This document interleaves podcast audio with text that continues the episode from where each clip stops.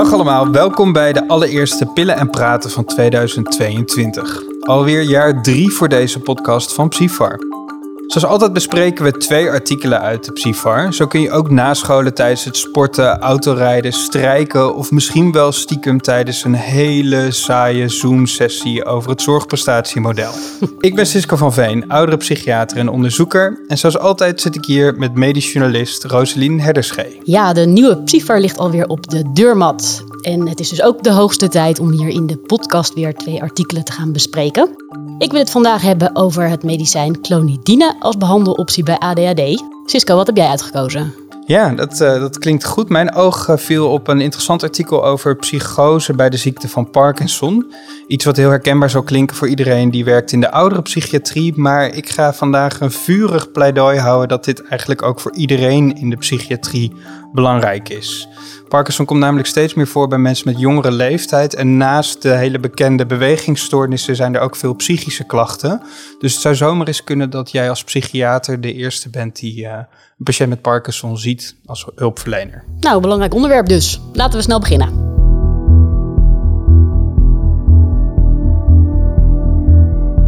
Rosalien, waar zijn we naar aan het luisteren? Ja, naar ADHD-muziek. Oké, interessant. Ik wist niet dat dat bestond. Wat, wat is dat voor iets? Ik wist ook niet dat het bestond. En ik kwam het vanochtend tegen um, toen ik aan het, uh, het werk was en uh, deze uh, podcast nog aan het voorbereiden was. het is muziek en er zijn hele streams van te vinden um, waarvan gedacht wordt in ieder geval dat het helpt bij concentratie. Oké, en? Hoe, uh, hoe beviel nou, het? Mijn, mijn NS1-studie van vanochtend uh, heeft heel goed uitgepakt. Ik ben uh, lekker geconcentreerd aan het werk geweest. Nou, dus, heel goed. Dus ja. je hebt je heel goed kunnen voorbereiden op deze podcast. Zeker, ja. Mooi. Nou, dus, dus eerst even de podcast allemaal netjes uitluisteren... en daarna meteen naar de ADHD muziekstreams. Precies, ja. En, en, daar hebben we het natuurlijk niet voor niks over. Want wat, wat, voor artikel wil jij vandaag bespreken? Ja, we gaan een artikel bespreken waar niet wordt ingegaan op muziek als behandeloptie voor ADHD... maar op clonidine als mogelijke behandeloptie voor ADHD. En nu zul jij bij ADHD in eerste instantie denken aan twee andere middelen, denk ik. Ja, dan denk ik dat je bedoelt methylfenidaat en dexamfetamine. Precies, ja, de stimulantia. Mm -hmm. Maar bij 15% van de kinderen en bij 20 tot 30% van de volwassenen blijken die onvoldoende resultaten geven. En daar komt bij dat 40% bijwerkingen ervaart. Oké. Okay. Nou, de auteurs van dit artikel, dat zijn Victoria Janke, Ravian Wetstein en Glenn Dumont schrijven dat er een aantal andere opties zijn als stimulantia onvoldoende werkzaam zijn. Nou, dat zijn dan onder andere tricyclische antidepressiva, guanfacine, bupropion en clonidine. En in dit artikel zoomen zij in op clonidine. Oké, we hebben het volgens mij in deze podcast nog niet gehad over ADHD. Klopt. Altijd een beetje spannend, hè? ADHD in combinatie met pillen. Veel om te doen natuurlijk. Hè? Uh, overdiagnostiek wordt dan genoemd, uh, over medicalisering. Ja, het is een enorm maatschappelijk thema en, en terecht, want het is, het is ook belangrijk. Uh, volgens mij zijn we hier al jaren mee bezig. En ehm, nou, ik denk dat het ook niet onredelijk is om te zeggen dat er best wel wat overgediagnosticeerd is. En mm -hmm. waarschijnlijk ook te veel stimulantia voorgeschreven zijn. Anderzijds ja, zie je ook wel weer studies voorbij komen die laten zien dat het gebruik van stimulantia bij kinderen met, met ADD of volwassenen met ADHD toch echt ook wel tot minder lijden uh, kan leiden. En dat het ook bijvoorbeeld uh, kan helpen om hele nadelige uitkomsten te verminderen. Bijvoorbeeld auto-ongelukken of uh, gevangenis, ja, gevangenisstraffen. Ja, ja, dus het is, het is ook weer een ingewikkeld verhaal, maar uh, goed om denk ik even goed naar de evidence te kijken mm -hmm. van dit middel, wat je er toch niet direct mee zou uh, associëren. Ik moest het ook even opzoeken, clonidine. Wat, wat is het ook alweer precies? Ja, nou de auteurs schrijven, hè, clonidine is oorspronkelijk ontwikkeld om de bloeddruk te verlagen en staat officieel geregistreerd als een antihypertensivum. Dus het is ook niet zo gek dat jij dat ook weer even op moest zoeken. Mm -hmm. Het werkt als een agonist op de alpha-2A, B en C receptoren. Het heeft een sympathicolytisch effect doordat het de afgifte van noradrenaline vermindert. En daarmee vermindert het de activiteit van het noradrenerge systeem als geheel. Oké, okay, oké. Okay. Dus het, het, vermindert de sympathische activiteit. En, en hoe, hoe werkt dat dan op de ADHD-symptomen? Is daar een idee van? Daar is een idee van. Het is niet helemaal opgehelderd, maar de auteurs beschrijven uh, het vermeende werkingsmechanisme bij ADHD-symptomen. Alpha-2-receptoren komen in verschillende hersengebieden voor, waaronder de prefrontale cortex, de hersenstam en subcorticaal gelegen gebieden. En over het algemeen hebben deze receptoren in de hersenen een inhiberend, een remmend effect. Maar in de dorsolaterale prefrontale cortex zijn alpha-2-receptoren beschreven die een stimulerend effect hebben.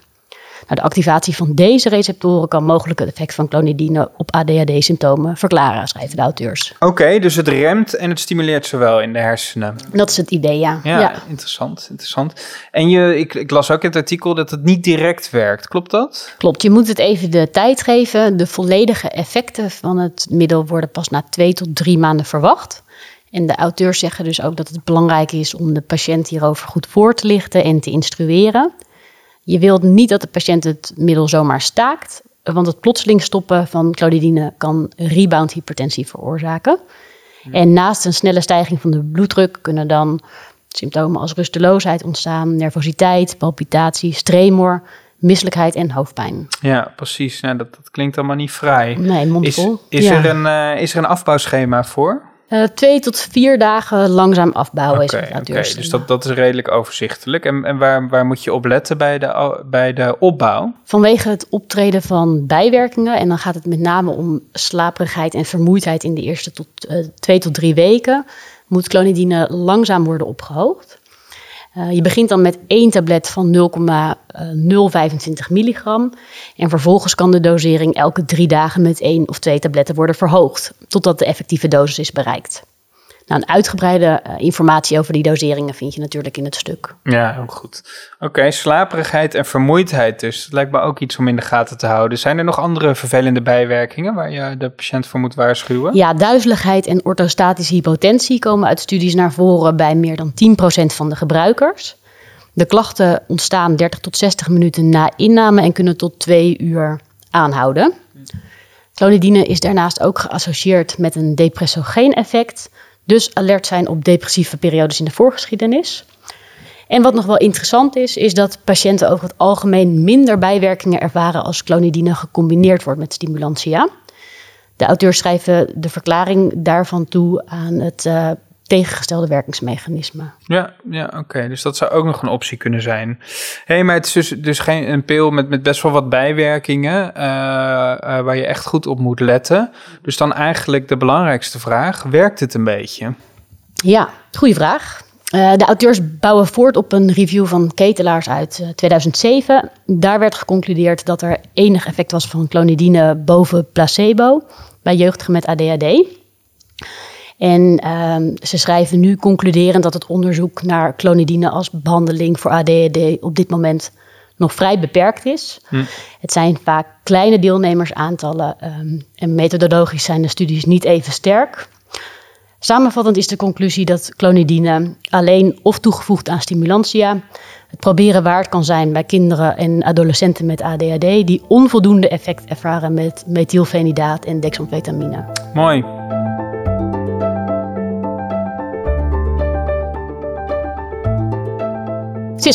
Jij wilt het hebben over Parkinson. Ja, klopt. Een neurodegeneratief ziektebeeld wat stevig is toegeëigend door de neurologen vanwege alle motorische klachten die het geeft. Maar zoals ik al even aankondigde, ik ga hier een vurig pleidooi houden waarom wij als psychiaters ons ook tegen deze patiëntengroep uh, moeten gaan aanbemoeien. Gebeurt natuurlijk ook al. Hè. We hebben een paar mooie rolmodellen uh, in Nederland. Psychiater en hoogleraar Odile van de Heuvel uit Amsterdam is expert op het gebied van Parkinson. En ook uh, hoogleraar Iris Sommer uit Groningen heeft hier veel uh, over gepubliceerd. En waarschijnlijk slaan we dan nu een hele hoop uh, neuropsychiaters over in de landen die geregeld patiënten zien met Parkinson en daar goede hulp uh, bij bieden. Maar toch, ik denk voor iedereen, alle psychiaters in Nederland, ook op de reguliere afdeling, op de spoedeisende hulp, bij de crisisdienst, zelfs in de vrij gevestigde praktijk.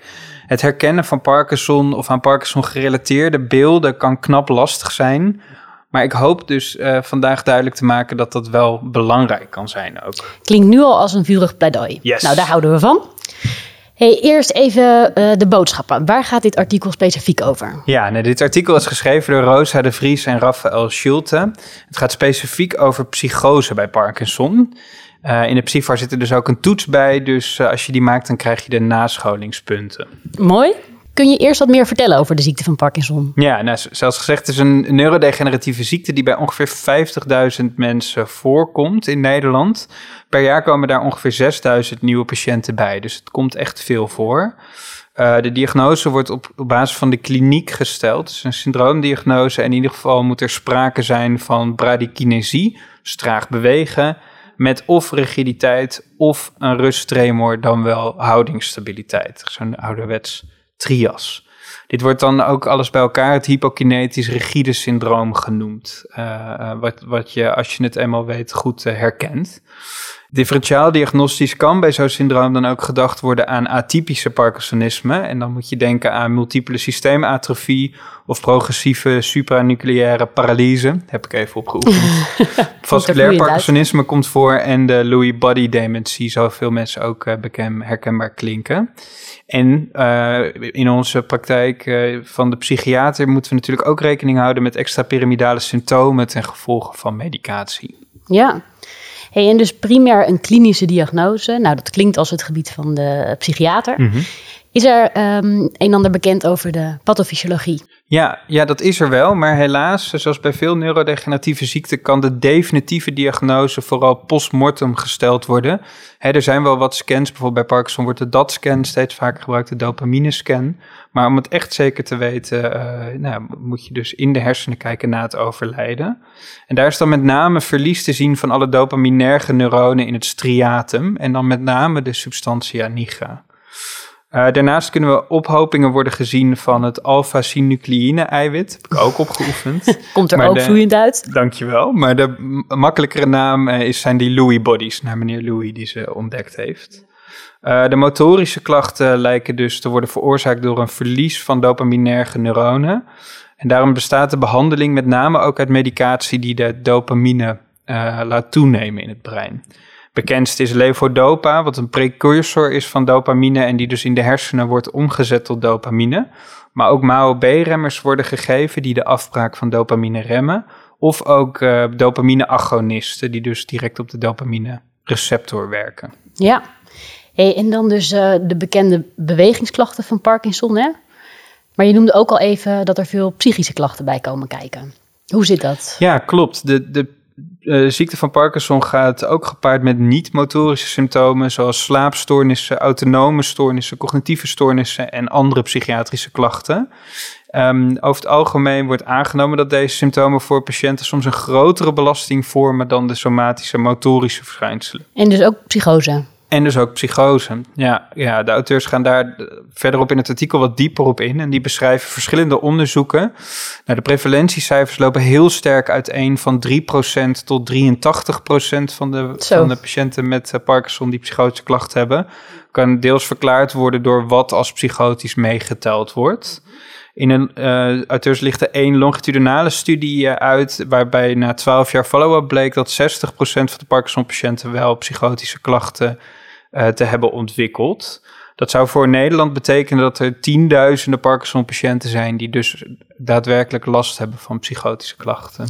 En gaat het dan om uitgebreide hallucinaties en wanen? Ja, dat, dat kan op, in een wat latere termijn, maar in het begin kan het veel subtieler zijn dan dat. Dus dat, dat wordt dan minor hallucinations genoemd. Kortdurende hallucinaties waarbij iemand bijvoorbeeld het gevoel heeft dat er iemand in de ruimte is, hè, bij, hem in de kamer of dat er schaduwen aan de rand van het blikveld zijn, of visuele illusies, uh, waarbij voorwerpen voor iets anders gezien worden. Dit zijn, zijn ook heel kenmerkend. Heel herkenbaar daarbij zijn de pareidolieën, uh, waarbij de patiënt gezichten ziet in oppervlakte, bijvoorbeeld in gordijnen of uh, op de muur. En dat, dat, dat kom ik in mijn kliniek ook wel eens tegen. Let op, dit kan dus de eerste klacht zijn waarmee de patiënt met Parkinson zich uh, presenteert. Uh, dus het is mogelijk dat, dat, dat jij als psychiater iemand als eerste ziet. Um, Parkinson komt natuurlijk vaker voor bij ouderen, maar uh, zoals gezegd, het kan ook al op relatief jonge leeftijd ontstaan. Dus ook volwassen psychiaters moeten hier beducht op zijn. Ja, en als die psychische klachten dan mild ontstaan, kunnen ze ook erger worden? Ja, zeker. Het is, het is toch echt een neurodegeneratieve ziekte. Dus, dus uh, de, ja, de klachten zijn vaak progressief. Uitgebreide hallucinaties komen voor en die zijn gecorreleerd aan uh, ziekteprogressie. En ook in de hersenen kan je dan meer Lewy bodies zien. Uh, hallucinaties komen kenmerkend vooral s'avonds en in de schemer voor. En kunnen bijvoorbeeld ook bestaan uit mensen of dieren of stemmen horen. Dus dat, dat begint al echt meer de psychoses te worden zoals wij ze vaak zien. Wanen lijken iets minder vaak voor te komen. En de auteurs noemen een studie dat uh, ongeveer van de helft van de mensen die hallucinaties heeft ook wanen heeft. Dus die hallucinaties staan echt op de voorgrond. En je zei net al even dat uh, patiënten met Parkinson vaak medicatie krijgen waarmee de dopamine verhoogd wordt. Heeft dat mogelijk ook iets te maken met uh, de ontwikkeling van psychoses? Ja, dat, dat is een hele logische gedachte. Zeker vanuit de dopamine-hypothese van psychose gedacht. Nou, nou, daar kan je ook wel flinke vraagtekens bij zetten of dat nou wel zo causaal is. Uh, de auteurs beschrijven de klinische ervaring dat psychotische symptomen toe kunnen nemen bij de start of verandering van de Parkinson-medicatie. En ze beschrijven ook onderzoek wat laat zien dat patiënten met een dopamine-agonist een hogere kans hebben op het ontwikkelen van psychotische symptomen.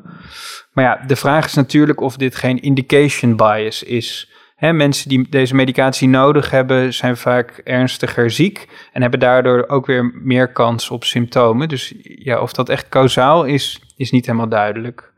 Er zijn dan ook wat cross-sectionele studies die geen verband tonen tussen de uh, dosering van Parkinson-medicatie en psychotische klachten, wat dus ja, tegen een causaal verband pleit. En tenslotte komen die minor hallucinations ook vaak aan het begin van de ziekte voor, dus voor de start van medicatie. Dus, dus los van de medicatie lijkt het ziekteproces zelf toch ook wel echt tot psychose te leiden. Nou, heel lang verhaal kort. De relatie tussen dopaminerge medicatie en psychose is, is nog lang niet helder. Um, ja, en het is toch gewoon lastig vaak in de kliniek om uit te zoeken: is dit nou een medicatie-effect of niet? En, en daar zit toch ook een mate van trial and error bij. Ja, ja vaak dan toch weer een, uh, een genuanceerder verhaal dan het misschien op het eerste gezicht lijkt. Ja, ik zou graag eens een keer willen zeggen, dit is het, maar helaas hebben we daar het verkeerde vakgebied voor gekozen. hey, en die patiënt heeft er wel last van. Mm Wat kun je eraan doen? Ja, nou eerst gaan de auteurs er nog in op de vraag of je er überhaupt wel iets aan moet doen, vooral in het vroege stadium. En uh, eigenlijk komen ze vrij snel tot de conclusie dat daar nog heel weinig uh, literatuur is om ons op te baseren.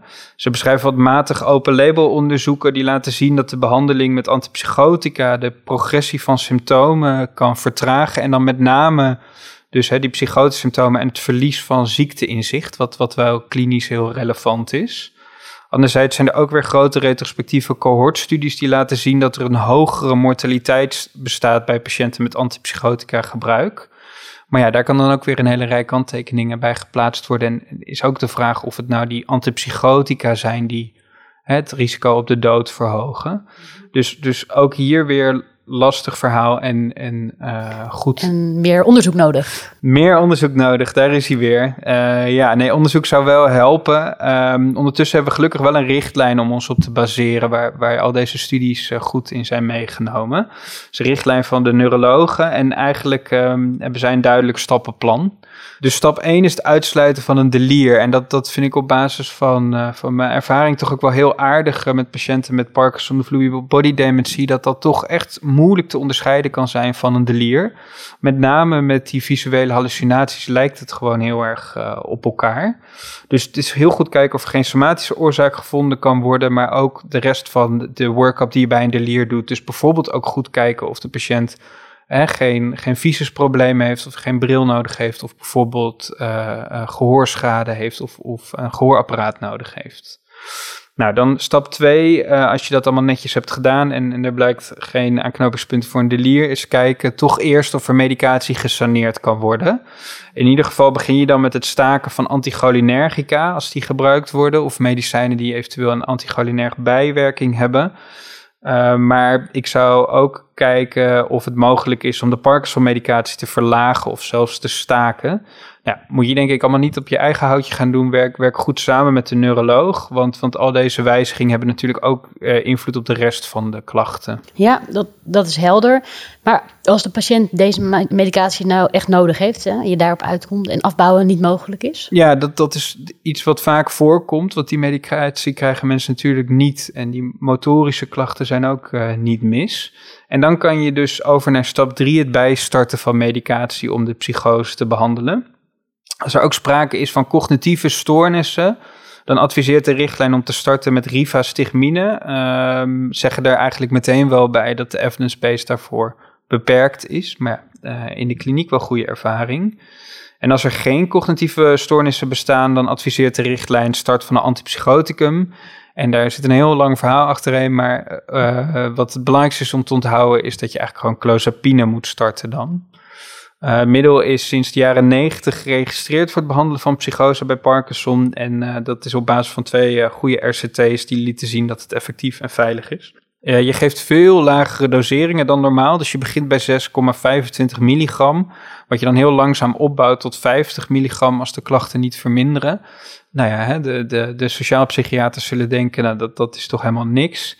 Maar het werkt wel. En de steefspiegel is ook een stuk lager uh, dan we gewend zijn. Maar dus nou, deze mensen hebben eerder bijwerkingen en hebben blijkbaar ook iets minder nodig om deze psychoses mee te behandelen.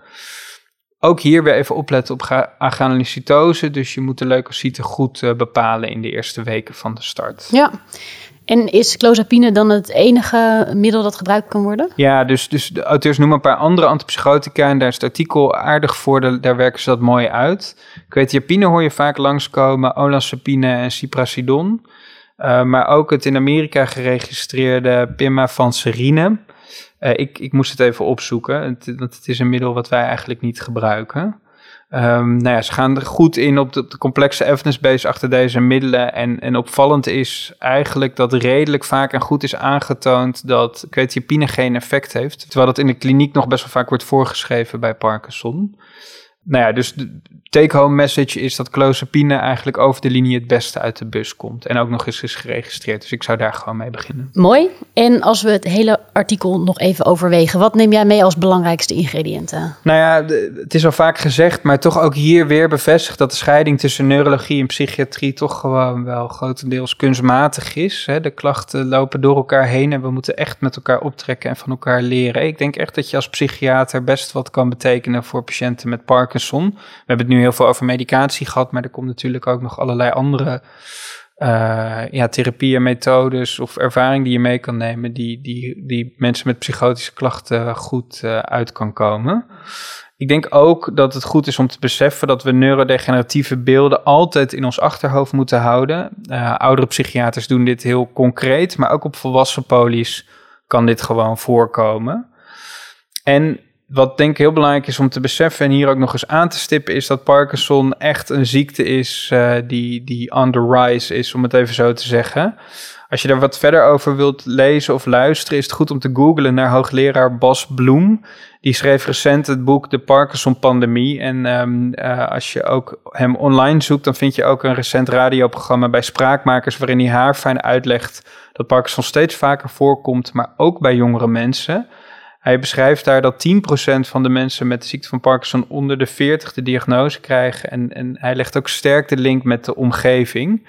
Met name pesticiden en, en andere vervuiling van de omgeving, wat toch gecorreleerd lijkt te zijn aan het ontstaan van uh, Parkinson. Zeer interessante materie en waarschijnlijk gaan wij als psychiaters ook nog veel meer te maken krijgen met Parkinson in de komende jaren. Dus uh, nuttig om hier uh, wat kennis over op te doen. Nou, dank voor dit vurige pleidooi. Yes. We zijn aan het einde gekomen van deze aflevering. Maar gelukkig hebben we de papieren psyfer nog.